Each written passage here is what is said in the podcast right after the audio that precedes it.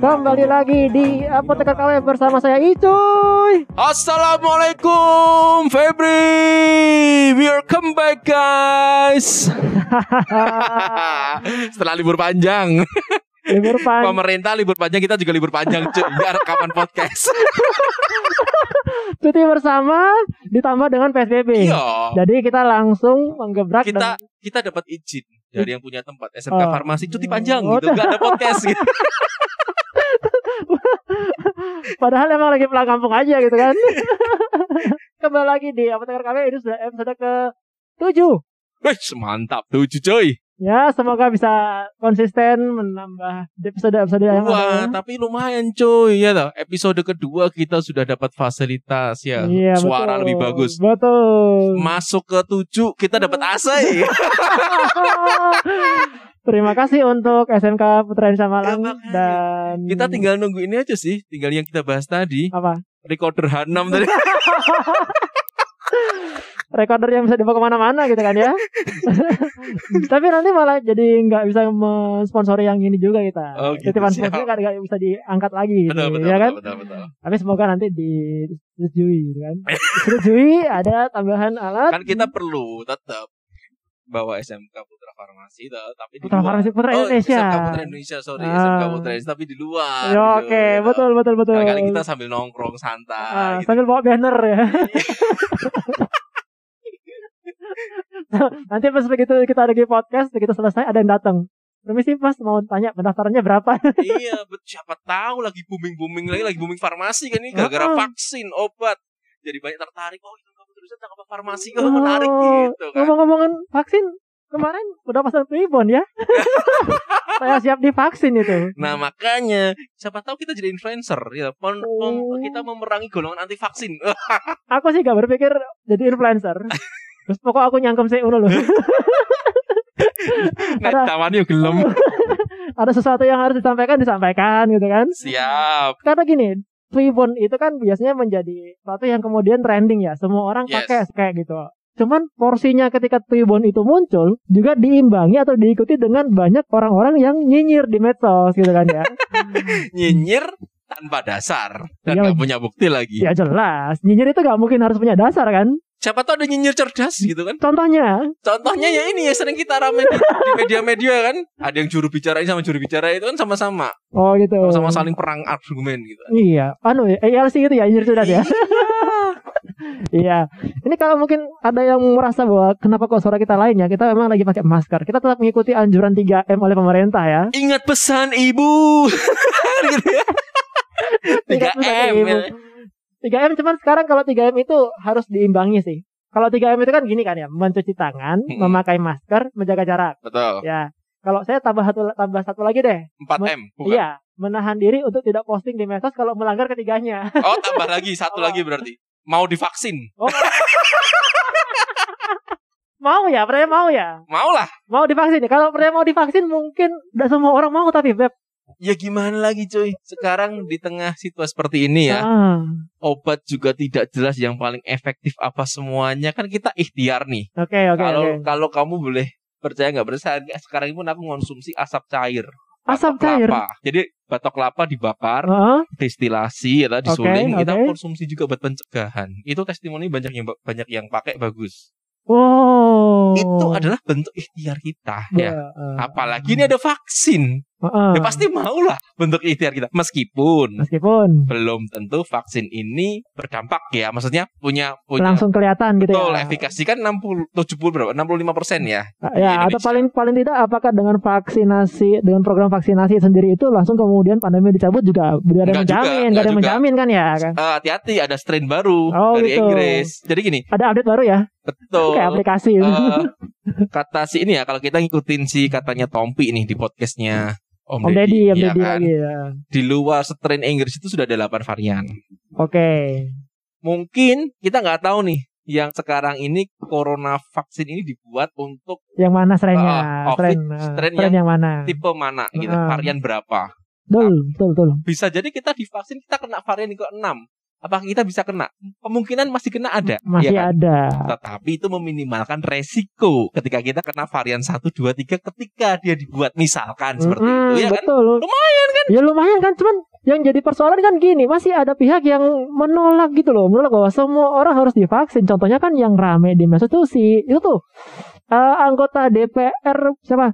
Eh, Ripka, Dokter Ripka, Oh. Ripka Ciptaning. Ripka Komisi 9. itu oh, Komisi 9 kan emang bagiannya dia kan mengurusi masalah Tapi aku kesehatan. curiga cuy. Curiga gimana? Dan jangan cuma gimmick. Enggak juga, kan karena karena ada kan gosip partainya sama sama presidennya. Ntar biar biar dibuat-buat agak, agak ada pertentangan dikit biar seru. Oh, gitu. Manajemen konflik, cuy. Biar biar anu apa ya? Apa istilahnya tuh gini, strategi smoke bomb. Iyalah masa Ngelempar ngelempar bom asap kelihatannya kayak lagi kacau Iya, gitu kan. Masa masa alus-alusan nyantai gitu kan ya biar ada sedikit-sedikit seru sedikit. Ada bumbu-bumbu. konflik-konflik gitu ya. Iya. Kayaknya pernah pengalaman ini ya. pernah pengalaman bikin konflik-konflik Lah, biar ntar enggak dia dari partai yang sama ntar bos bos partainya oke dia masa ngelawan makanya dia jadi kayak ini kan jadi kayak bikin kegiatan atau bikin konflik supaya nggak kelihatannya adem ayem aja. tapi logika yang dibangun dia ada benernya juga coy Oh gitu. Di mananya nih? Maksudnya prosesnya ya, ketika ketika dia cerita ya. Ah. memang sih ketika dia menolak anti vaksinnya ya oke lah menurut kita kurang bijak ya sebagai anggota dewan Hmm, ya kan? hmm, hmm. harusnya kan dia sebagai justru kasih contoh kan semua lagi kasih contoh nih presiden gitu kan? Lagi kasih contoh oke. ketua MPR ngasih Itu contoh yang aku sampai Ariel Ariel. Cuma kalau yang aku notice ya, yang presiden ngasih contoh, lihat nggak tangan dokter yang nyuntik? Sampai bentar.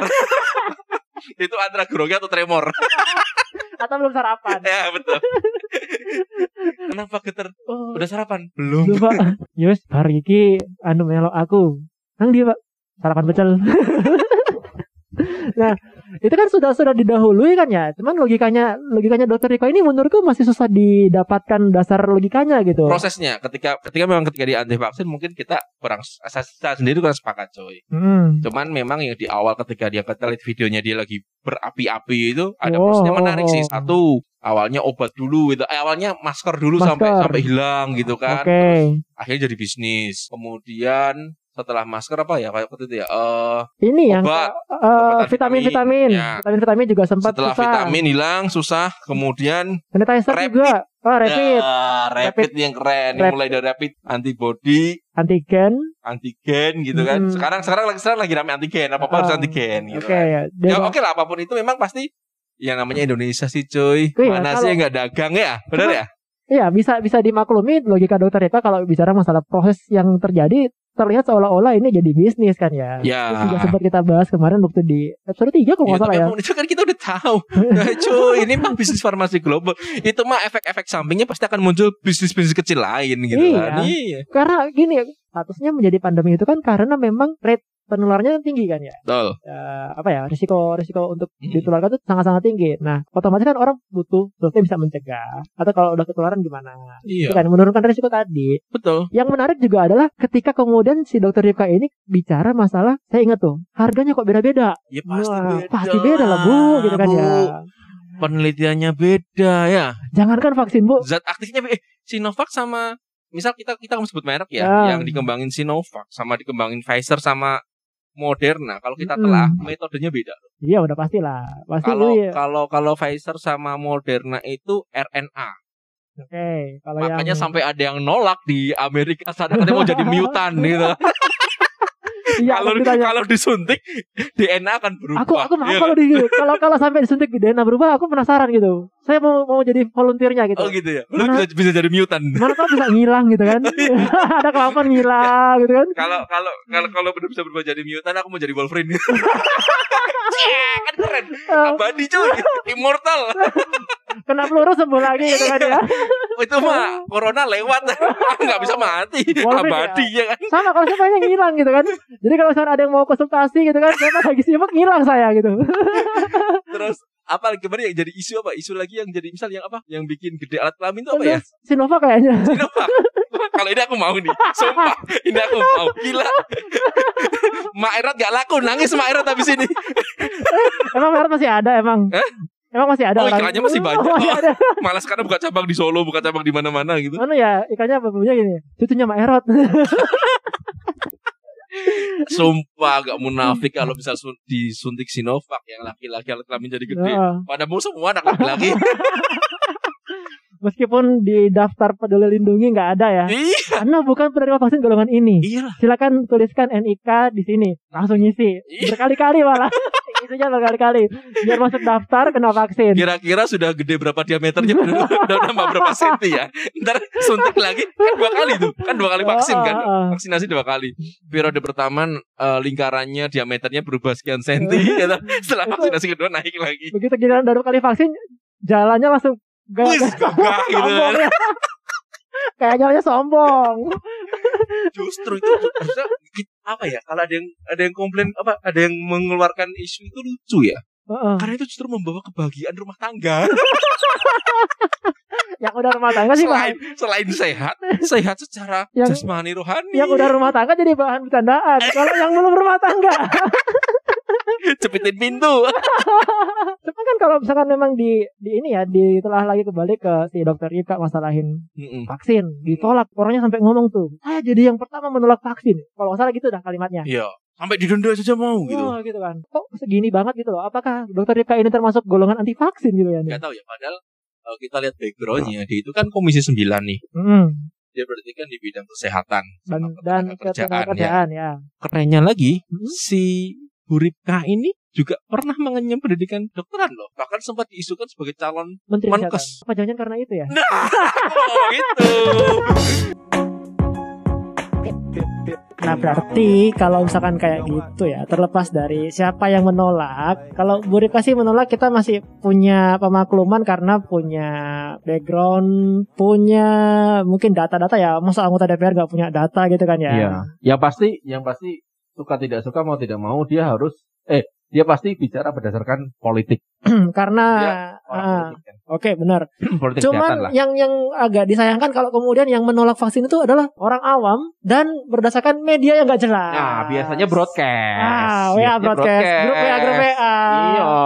Itu kan banyak sekali selebaran-selebaran ya, grup RT, grup apalah gitu kan. Pastilah, grup keluarga aja ada.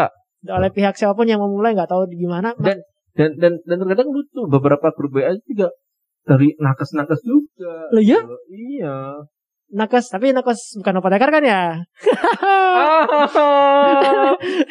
Saya yakin itu ada juga.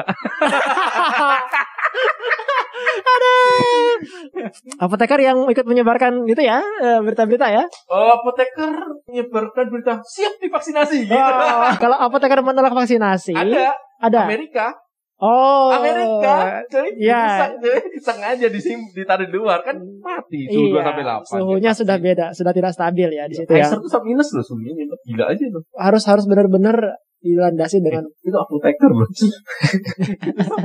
Di Amerika. Bapak siapa itu namanya saya lupa itu. Produk Moderna itu. Ada di berita saya pernah baca di detik, di saya baca di detik Iya, betul. ternyata gangguan jiwa.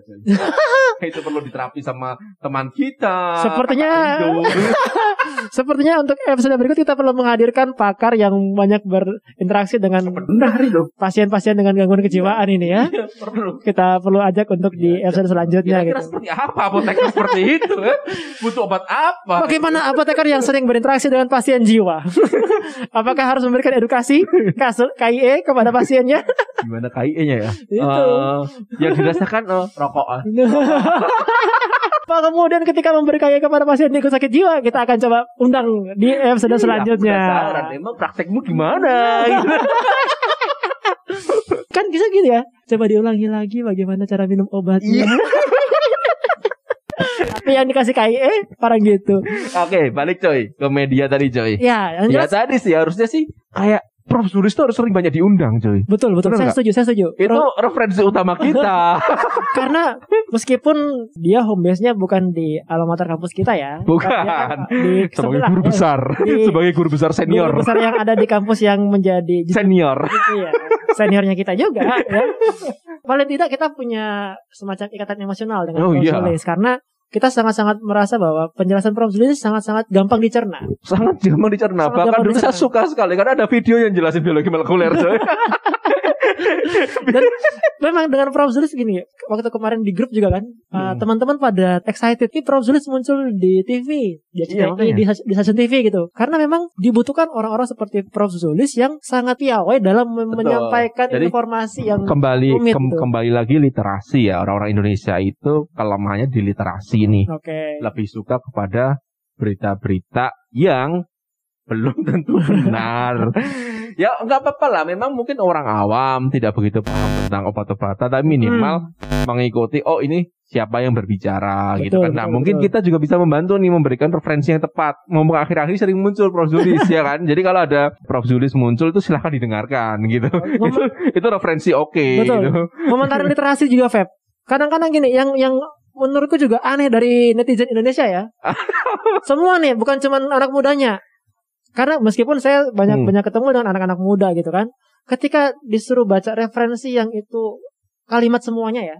Oke. Aduh, saya males, bingung. Kalimat teks teks teksnya banyak banget Oh. gitu. Tapi kalau baca grup WhatsApp yang isinya teks panjang, dibaca baca. Bahkan, eh, kan WhatsApp itu kan berapa dan seterusnya ya. Diklik Iya, sama dia terus. muncul bawah Baca gitu. lebih lanjut, diklik terus.